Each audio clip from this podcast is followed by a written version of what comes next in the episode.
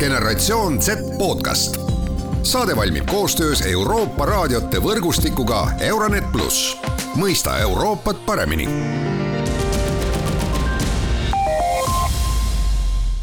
nii, tere, head kensed kuulajad, mina, saatejuht Mart Valner ja tänaseks teemaks on meil mõnuained ja eelkõige need mõnuained, mis on ebaseaduslikud, räägime kõige rohkem narkootilistest ainetest, võib-olla nipet-näpet ka alkoholist ja muust, mis sinna juurde tuleb. ja kuna ma sa-, taaskord saan alustada saadet sellega, et ja seekord öelda, õnneks ei ole mina selle valdkonna kõige suurem ekspert, siis ma olen endaga kutsunud siia Rait Pika, Pikara, kes on äh, Põhja prefektuuri narko- ja organiseeritud kuritegevuse talituse juht, Rait, tere päevast! loogilisem küsimus, äh, millest alustada, kui me räägime üleüldse äh, noortest ja mõnuainetest, missugune on kõige probleemsem nendest või kõige laialt levinum siis? Jah, ma võib-olla võtaks sammu tagasi, et ilmselt kõik nüüd tahavad kuulda mõnda siis nii-öelda keelatud uimasti nimetust esimesena, aga ma ikkagi läheksin veel, veel alguse poole tagasi, et et ka välismaised eksperdid ütlevad tegelikult, et probleem algab juba alkoholi tarvitamisest, nii et ma ütleks, et vaadates ka meie, meie statistikat, mis puudutab alaealisi ja nende poolt toime pandud siis väärtegusid, siis ikkagi toimi-, domineerib alkoholi tarvitamine liiga varases eas, et, et ma arvan, et selle ma nimetaksin esimesena ära aga jah, kui me sealt edasi räägime, siis, siis äh, kanep äh, erinevad äh, niinimetatud retseptiravimid, mida ilma arsti ettekirjutuseta tarvitatakse, kokaiini viimasel ajal ikkagi näeme rohkem noorte kättesaadav, noorte jaoks kättesaadavana ja sealt edasi igasugused MDMA-d või ekstasi, kuidas, kuidas soovid nimetada, et, et seal on, on terve, terve rida, aga jah, sellistest ebaseaduslikest uimastitest me räägime, ikkagi kanep on üsnagi selgelt esikohal mm. -hmm. aga legaalsetest uimastistest siis on ikkagi selgelt alkohol, äh, suure tõenäosusega ka endiselt igasugused tubakatooted, mis lähevad natuke teise kvali-, kategooriasse, vist aga ikkagi mõjuainena vist kirja, eks ole? jaa, absoluutselt, et me räägime jah sellest, et vahepeal olime oluliselt positiivsemas trendis, mis puudutas äh, alaealiste suitsetamist, et, et oli põhjust selliseks optimistiks, optimismiks, aga nüüd on siis jah, nende veipide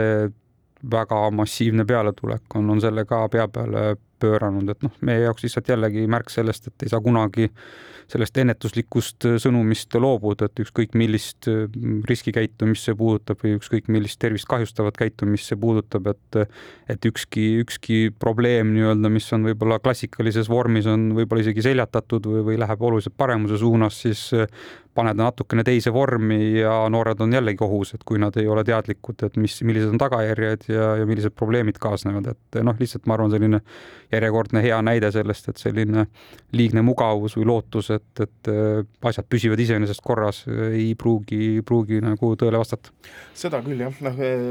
täna tubakast väga palju ei taha rääkida, aga lugesin just, just sel nädalal, et Suurbritannia vist tahtis kehtestada seaduse, et need noored, kes on praegu neliteist, et neil ei ole legaalselt oma elu jooksul kordagi võimalik tubakatooteid osta, ehk siis et äh, hakatakse äh, täiesti müük ära, äh, ära keelama, mis on ju tulevikku vaadates ainult, ainult ütleme, et positiivne siis. aga kahjuks suur osa aineid ei lähe ja ei liigu legaalsel turul, kui me räägime, noh, ma saan aru, et reeglina või peamiselt siiski sellistest, ma ei tea, kas saab öelda kergematest narkootikumidest või millega nagu noored kasutavad, see on väga-väga vale väljendus, et ja ma arvan, et jah,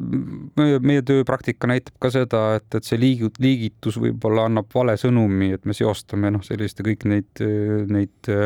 tegelikult potentsiaalseid potentsiaalselt väga tervist kahjustavaid aineid kuidagi kas puhtuse kvaliteedi või kergema, raskemaga või noh, kuidagi noored inimesed kipuvad seda tõlgendama sellise nagu rohelise tulena, et, et nendega ei ole hullu midagi, aga noh, ma lihtsalt ütlen, noh, võib-olla võib-olla sellise lihtsa postulaadi või noh, politseinikuna saan võib-olla seda lubada, et, et noh, uimastid tegelikult nende, nende mõju on, on üsnagi sarnane, et, et nad ikkagi kahjustavad pikas perspektiivis pideva tarb-, tarbimise korral nii tervist kui ka elukvaliteeti. mõni neist tõesti on, on eluohtlik kohe, kohe ühe, ühekordselt tarvitamisel, aga lõpuks, kui ükskõik millist ainet kuritarvitada, siis ma ütleks, tulemus on ikka see, see üks ja seesama, et, et ma nagu sellepärast ei, ei, ei ole hea öelda, et üks on kuidagi ohutum või sest noh, on ka selge see, et et kui mustast turust räägime, siis see, mida pakutakse või mille pähe midagi müüakse, et see tegelikult ei pruugi vastata tõele, et need tarneahelad on ju, on koosnenud kurjategijatest ja seal mingit sellist eetikat või, või moraali tunnetust eeldada, et, et et, et kuidagi tagatakse mingisugust äh, kvaliteedikontrolli, siis noh, see tegelikult on selline võlts, võlts, võltsootus ja, ja, ja noh, probleem ongi selles, et see võib-olla see viimase astme nii-öelda siis edasiandja, kes annab siis sellele tarvitajale, siis noh, tema võib olla tuttav, aga noh, see ei tee sellest ainest mitte mingil viisil ohutumat või kontrollitumat. Natuke siis jällegi teisel teemal, paljud riigid on läinud kontrollitud äh, tarvitamise juurde, ehk siis äh, erinevates staadiumites äh, näiteks kanepi legaliseerimise juurde, mille üks äh, noh, positiivne ilming on kindlasti see, et see, mida nii-öelda ametlikus poes saad müüa, on suure tõenäosusega vist äh, kontrollitud ja vastab mingisugustele, mingisugustele kriteeriumitele, Eesti vist ei ole mõelnud selle peale. ma arvan, et need arutelud on alati olnud sellisel teoreetilisel tasemel siin olemas, et aga ma arvan, et me oleme endiselt teinud sellise tervemõistusliku otsuse, et, et, et noh, mul on raske nüüd kommenteerida iga riigi nagu motiive, miks, miks on nagu äh, need otsused tehtud, aga, aga noh, kumab läbi, eriti rääkides siin politseiliinis kolleegidega, et et pigem on see nii-öelda legal, niinimetatud legaliseerimine selle tagajärg, et on, on olukorra üle kontroll kaotatud või selline kuidagi on tõstetud käed selles osas, et on võimalik noh, eelkõige siis noori ja miks mitte kõiki inimesi nendest uimastitest eemal, teatud uimastitest eemal hoida. et, et noh, mulle tundub lihtsalt kumab see läbi ja loodetakse seal noh, kindlasti mingisugust musta turu siis lõppemist, aga, aga ma julgen väita, et need, need, no ma nimetaks ikkagi neid eksperimentideks, et need eksperimendid ei ole veel piisavalt kaua kestnud, et, et lõplikke järeldusi teha ja, ja noh, juba on näha, et need mitmedki ootused ei ole täitnud, täitunud, et, et näiteks seal USA näitel must turg kanepil on täiesti olemas ja, ja kui, kui üks vähemalt kõlanud arvamus oli, et miks legaliseerida, et politsei ressurss kuidagi vabaneb siis nii-öelda kanepiga seotud äh, kuritegevuse alt või, või selle vastu võitlemise alt, siis, siis see ei ole täielikult realiseerunud, sest äh, legaalsed kaupmehed nõuavad, et, et see must turg, mis on säilinud, sellega tuleb endiselt tegeleda, et, et noh, täiesti tegelikult äh, joone tõmbamise koht ja, ja kindlasti on, on mõlemal poolel argumente, aga aga mul on ausalt öelda hea meel, et, et me pigem jälgime neid eksperimente kõrvalt, vaatame lõpptulemused ära ja, ja, ja võib-olla tõesti suurriikidel on, on inimesi nii palju, et on, on kuidagi siis nii-öelda aktsepteeritav kaotada inimeste kuidagi sellist elukvaliteeti või terviseid mingi protsendi ulatuses, aga noh, ma arvan, et väikses Eestis me saame paremini ja meil on iga inimene arvel, et, et ma selles mõttes äh, loodan, et me nagu läheneme asjale teaduslikult ja teadmispõhiselt, mitte sellise nii-öelda, et, et sellest ei kujune selline kuidagi nii-öelda finantsotsus või, või, või poliitiline kapital mm. -hmm, arusaadav kui me vaatame statistikat ja, ja noori nüüd äh,, siis äh, me ei ole liikunud legaliseerimise teel, ehk siis kõik see äh,, kui me räägime narkootikumidest, on ebaseaduslik, tarvitatakse neid sellegipoolest kui mina käisin koolis kuusteist aastat tagasi, teadsin, kes tarvitasid, tead, teavad kindlasti ka praegused noored, kui me räägime koolist, kui me räägime ülikoolist ja nii edasi, sealt, seda enam, eks ole. Mis see statistika näitab, kas see tarbimine on kuidagi aastate jooksul muutunud?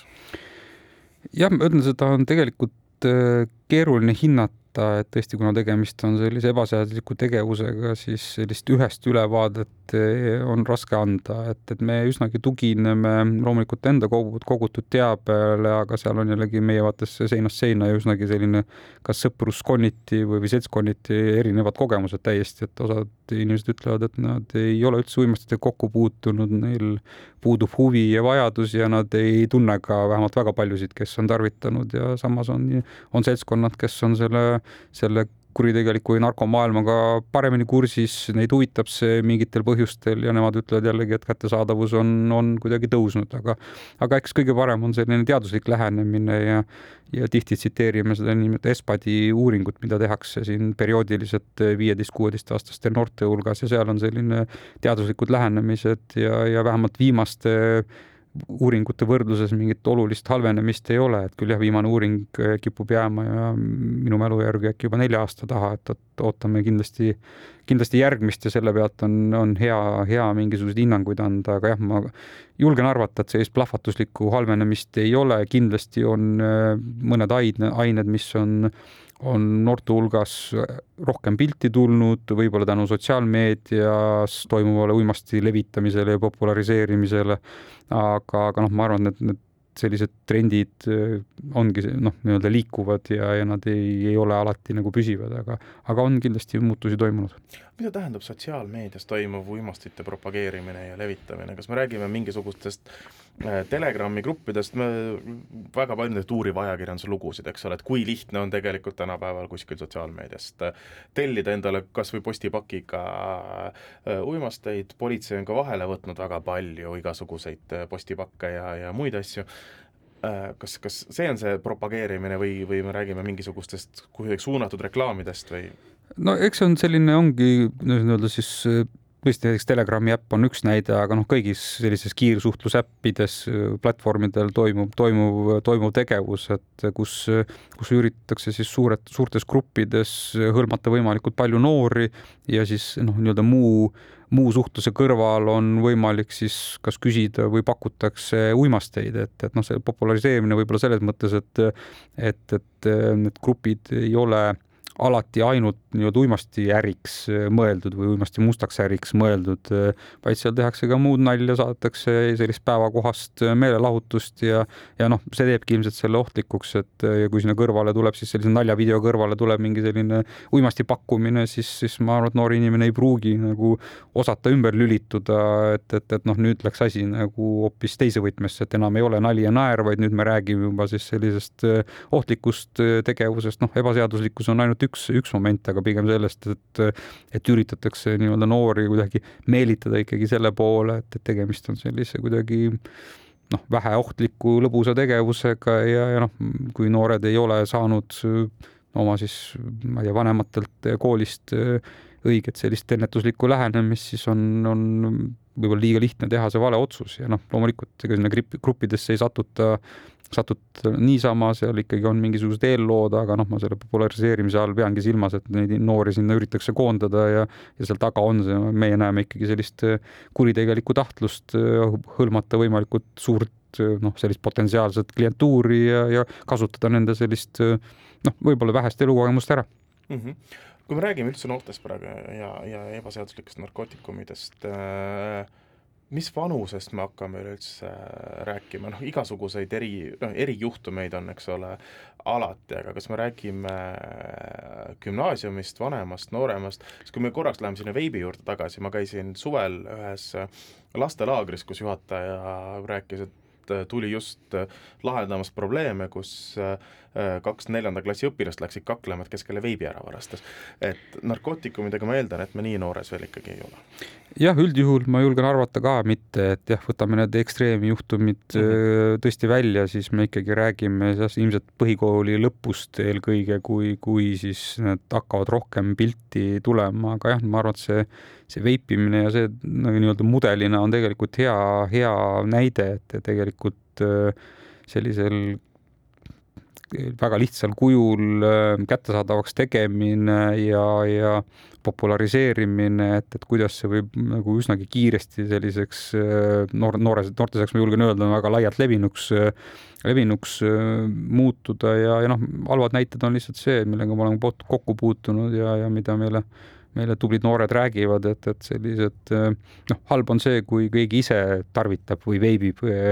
halb on see, kui ta teeb seda pidevalt, et noh, see üks ühekordne proovimine ka problemaatiline kindlasti, aga, aga noh, me räägime kahjudest ikkagi, mis tekivad pigem pideva tarvitamise tagajärjel ja noh, ja selle kõige hullem võib öelda noh, nende hullude asjade reas on see, kui hakatakse siis teisi survestama, kasutama või, või selle pealt veel mingit raha teenima hakata, et noh, seesama veebi näide, et, et kui seal tulevad ka aasta või kaks vanemad tüdrukud noorema tüdruku juurde ja ütlevad, et noh, ära ole selline emo, et, et proovi ka ja, ja kui noh, kui ta ta keeldub, siis ta kuidagi satub sellise sotsiaalse surve alla, et noh, kui see, kui see selline eeltöö ei ole, ei ole nii-öelda sellel, kellele pakutakse temaga korralikult tehtud, siis noh, lihtne on murduda ja noh, see on sellistest nii-öelda olmesituatsioonidest see, see, see tarvitamine hakkabki ja jällegi me noh, räägime, kui uimastite peale tagasi lähme, siis see kuidas kellelgi mingisugused probleemid või noh, halvemal juhul ka sõltuvus tekib, et tekib, et see on väga individuaalne ja, ja noh, kui ollakse selles maailmas juba nii-öelda esimesed sammud astutud, siis võib sellise järsu, järsu pöörde võtta ja, ja sealt on nagu probleemid nagu vägagi kiired kuhjuma mm. -hmm. kui seesama põhikooli või gümnaasiumi lõpu või gümnaasiumiõpilane või kes iganes äh, on oma toas äh, ja teeb äh, seal kanepit või sõpradega peol, äh, tunneb ennast tollel hetkel võib-olla teistmoodi, tal ei ole seda tunnet, et ta on osa mingisugusest organiseeritud kuritegevusest või, või millestki sellisest ju, ma eeldan, vähemalt suures osas. aga tegelikult see iga see tegevus, ega see algab ju kuskilt äh, kõrgemalt ja, ja organiseeritumalt, meil ei ole ju. See üksik tarbija ei ole ja see üksik diiler kuskil ka ei ole ju see, see kuidagi ahela tipp, eks ole, see väga tugevalt seotud omavahel. Jah, aga noh, siin ongi jälle need, neid, neid tarneahelaid, noh, eriti kui me räägime kanepist, siis tegelikult neid on, neid on mitmeid, et võtame tõesti sellised lihtsamad esimesena, et, et noh, kanepi kasvatamine iseenesest keelatud tegevus, noh, kui me räägime nüüd siis narkootilise kanepi kasvatamisest äh, aga kaugeltki mitte niisugune keeruline ettevõtmine, et kui keegi oma kodus kasvatab ja jagab seda sõpradele, noh, ilmselgelt tegemist ka kuriteoga, aga noh, jällegi see ahel tõesti ei ole seotud mitte mingil viisil ei rahvusvahelise kuritegevusega ega ka sealt edasi ei korruptsiooni ega terrorismiga. aga noh, mis teebki selle maailma keeruliseks, ongi see, et, et ega seda doosi päritolu nii-öelda on vägagi keeruline nii-öelda selgeks teha ja, ja selge see, et, et kurja, kuriteo, kuritegelikud grupid, ühendused, kes, kes, kes sihistatult kriminaaltulu üritavad teenida, nemad jällegi tegelevad sellise nii-öelda, ütleme seda siis nii-öelda tööstuslikul tasemel, kus ongi väga konkreetsed kasvatused, on väga konkreetsed tarneahelad riikide vahel nii-öelda salakaubavedu ja, ja tõesti see nii-öelda narkokaubandus võib olla ainult üks osa sellest, sellest nende, selle kuritegeliku ettevõtmise nii-öelda siis tahkudest või, või ambitsioonidest, mis toob raha sisse ja mis rahastab teisi vägagi, väga raskeid kuritegusid, aga ma olen nõus, et võib-olla noortele inimestele see argument jääb, jääb veidi kaugeks ja, ja noh, ma olen ka võib-olla nõus, et, et ega ega see, see tarvitamine ei ole väga läbimõeldud alati ja noh, ma räägin ka nii-öelda isiklikus plaanis ja veel vähem nii-öelda siis laias või nii-öelda siis maailma mastaabis, aga on jällegi, see on jälle selgitamise koht, et et, et kuna me, me ei tea aine päritolu, siis noh, miks ma peaksin ükskõik millise taseme kurjategijat oma rahadega nuumama sellele, noh, ja olgu, võib-olla seal on mingisugune lühiajaline positiivne emotsioon või tunne või efekt, aga, aga jällegi, kui me räägime pikaajalisemalt, siis me, nagu see, see tegelikult see efekt kaob ja, ja ma ütleks jällegi need probleemid, noh, võib-olla mille tõttu üldse tarvitatakse, mille tõttu proovitakse, et need kipuvad võimenduma, et, et noh, keegi ei ka popkultuuris nagu ei, ei kipu näitama neid negatiivseid tagajärgi, et no olgu, et, et mis siis noh, üks pidu oli võib-olla selline põnev ja huvitav ja võib-olla sai ka nalja, aga aga mis on siis, kui see, kui see on tuhandes tarvitamiskord, mis näod, mis seltskonnad siis on, et kas see pidu on, on sama hoogne, mis on seltskonnaga juhtunud, et, et noh, lihtsalt selline, selline pikem perspektiiv võiks olla see, mida me peaksime noortele võib-olla paremini selgitama, kuigi noh, jällegi ilmselt teaduslik fakt, et, et, et see noorte tuleviku ettevõtle-, mõtlemine, see on neil alles arengufaasis, et, et sellepärast peabki olema see ennetustegevus selline pidev ja eakohane ja, ja noh, nii-öelda ka individuaalne, et, et sellepärast on ka, on ka meie väga suur lootus, et, et jah, politsei on kindlasti siin nii-öelda ootused on väga palju politsei peal, aga noh, me eelkõige saame tegu-, tegutseda, tegutseda selle ainete kättesaadavuse ja, ja müügi ja tõesti selle kuritegeliku poolega, aga see ennetuslik pool kindlasti võiks olla tugevalt koolide ja lastevanemate nii-öelda südamelähedane asi. Mm. -hmm, jah, see lapsevanemate ootus, et kõik teised kasvatavad last, on äh,, on siiski naivistlik ja, ja võib-olla natuke äh,, natuke vale, aga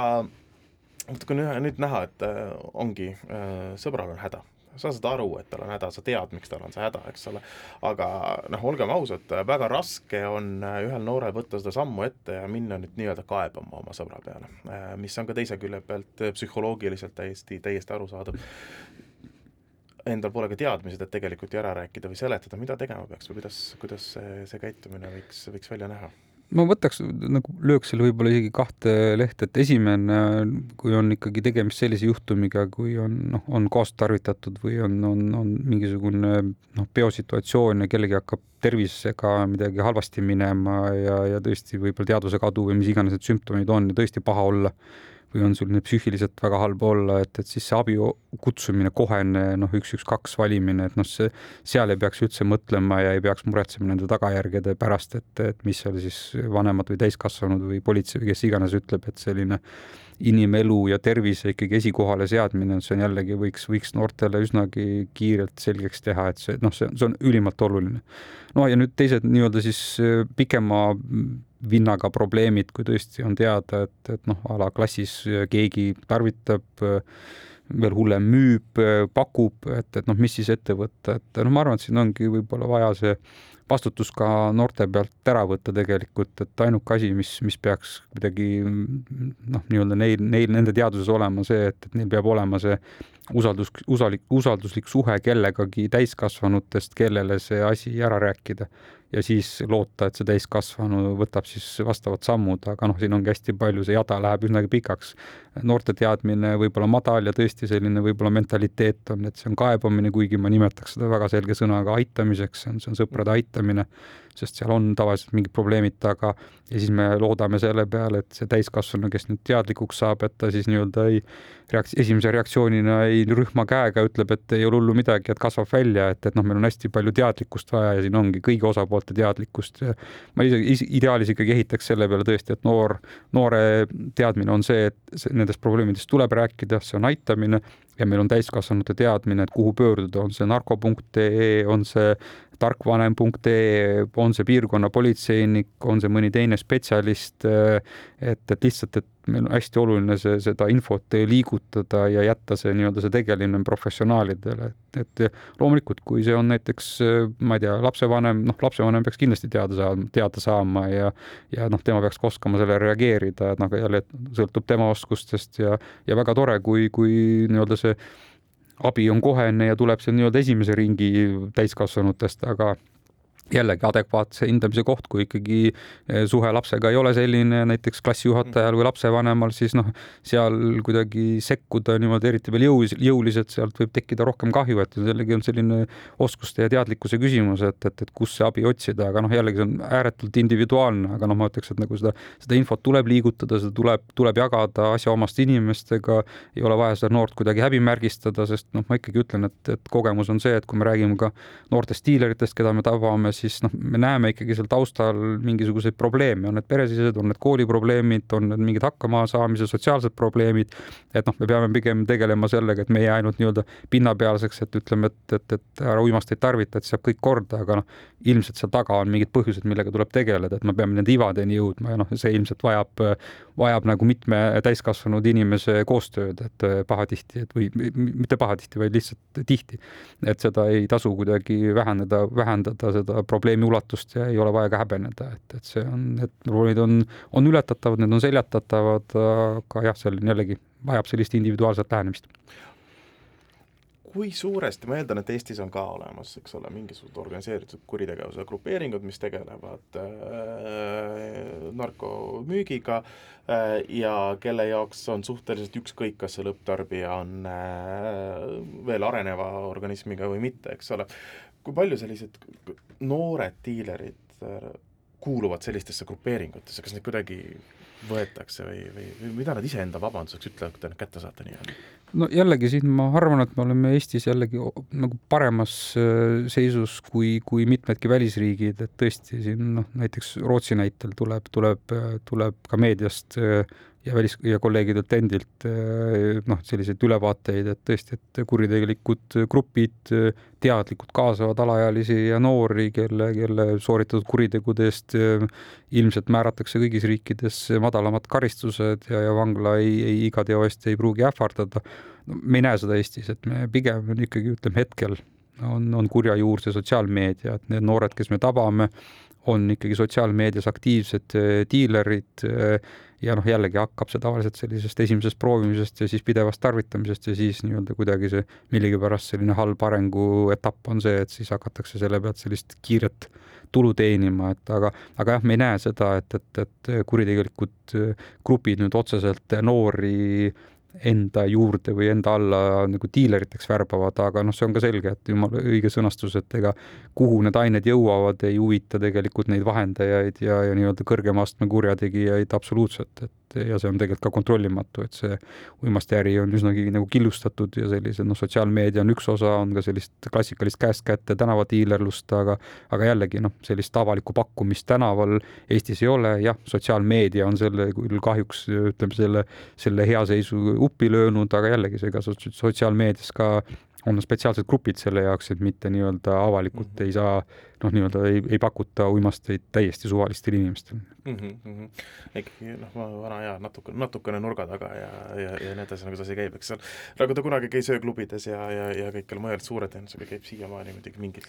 no aga see on jällegi selline ühiskondliku kokkuleppe küsimus tegelikult, ma ütleks, et jällegi minul on väga hea meel nende inimeste üle, kes oma südant muretsevad selle pärast, et kuidas meie tänavad välja paistavad, mul on väga hea meel nende inimeste üle, kes helistavad meie vihjetelefonidele, kirjutavad meie vihjemeilidele, et me reageerime nendele teadetele, et ja noh, nii kui on inimene liikvel Tallinna linnas, kes valimatult pakub inimestele uimasteid või kaht-, muid kahtlasi aineid, siis noh, politsei saab sellest, sellest üsnagi kiiresti teada ja ma arvan, noh, see on jällegi, see näitab seda, et me, me ei, ei, ei tolereeri ikkagi uimasteid avalikus ruumis ja, ja noh, ma arvan, et meil on mõistlik seda, seda taset hoida, sest see on noh, kõigi meie ühistes, meie laste ja meie kõigi endi turvalisuse huvides, et näeme oma töös noh, vägagi palju neid alkoholiga, uimastitega seotud probleeme, noh, mille lahendamiseks on siis vaja juba siis riigi sekkumist, on seal vaja meditsiinilist abi või on seal vaja politsei sekkumist, et et noh, sellepärast ka see, see suur mure, et, et mitte,